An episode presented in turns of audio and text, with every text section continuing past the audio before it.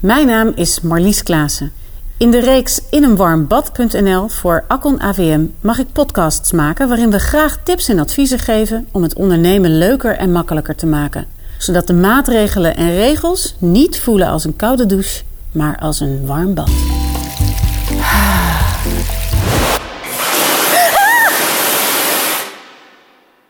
Ik ben vandaag in Tiel op het kantoor van Akkon AVM en daar praat ik eh, met Jan Campagne, belastingadviseur. Eh, we gaan het hebben over ehm, box 3, Ja. vermogen.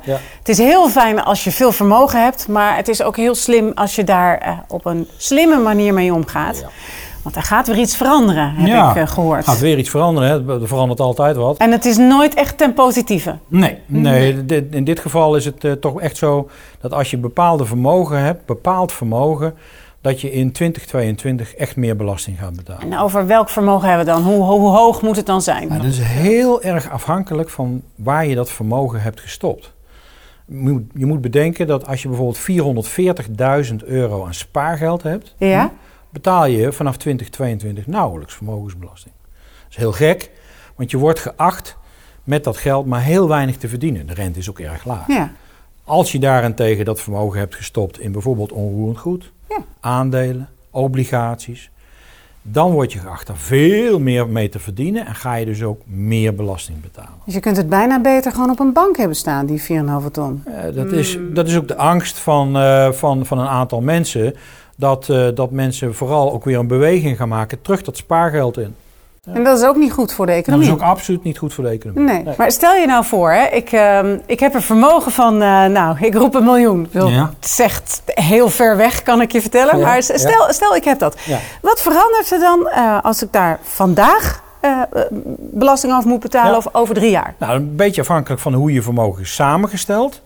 En, over drie jaar trekken we het echt uit elkaar. Dan kijken we, nou ja, wat heb je aan spaargeld? Wat heb je aan overig vermogen? Dus onroerend goed, aandelen, obligaties. En wat heb je misschien ook nog aan schulden? En als we, da- dan zie je in één keer grote verschillen ontstaan. En die grote verschillen ontstaan omdat die verschillende categorieën anders worden behandeld. En ik, ik, ik ken gevallen hè, waarbij je bijvoorbeeld nu eh 10.000 euro minder belasting betaalt dan straks. Dus ook in een geval, zeg maar, zo'n bedrag als wat ik noem. Ja. Dan zou dat zomaar 10.000 euro, kunnen, schelen. Kunnen schelen, ja. En wat moet iemand dan nog eh, nu, dit jaar, hè, want we, we hebben het Mhm. einde van 2019. Nou, kunnen ze nog iets wat verstandig is om nu te doen? Die persoon die zou, zou eens kunnen kijken, hè, samen met ons, of het niet verstandig is om een, een spaar-BV op te richten.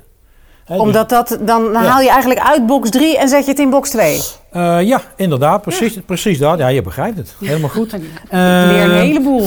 Ja. Ja. Nee, maar eh, weet je, er zijn mensen die denken een BV, dat is een bedrijf, weet je wel, dat is moeilijk.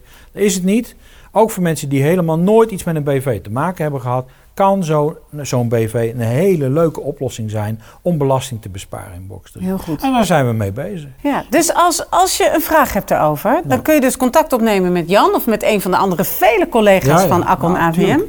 Om ervoor te zorgen dat je uiteindelijk niet die koude douche hebt van 10.000 euro meer belasting. Maar een warm bad. Een warm bad. Ja. Dankjewel.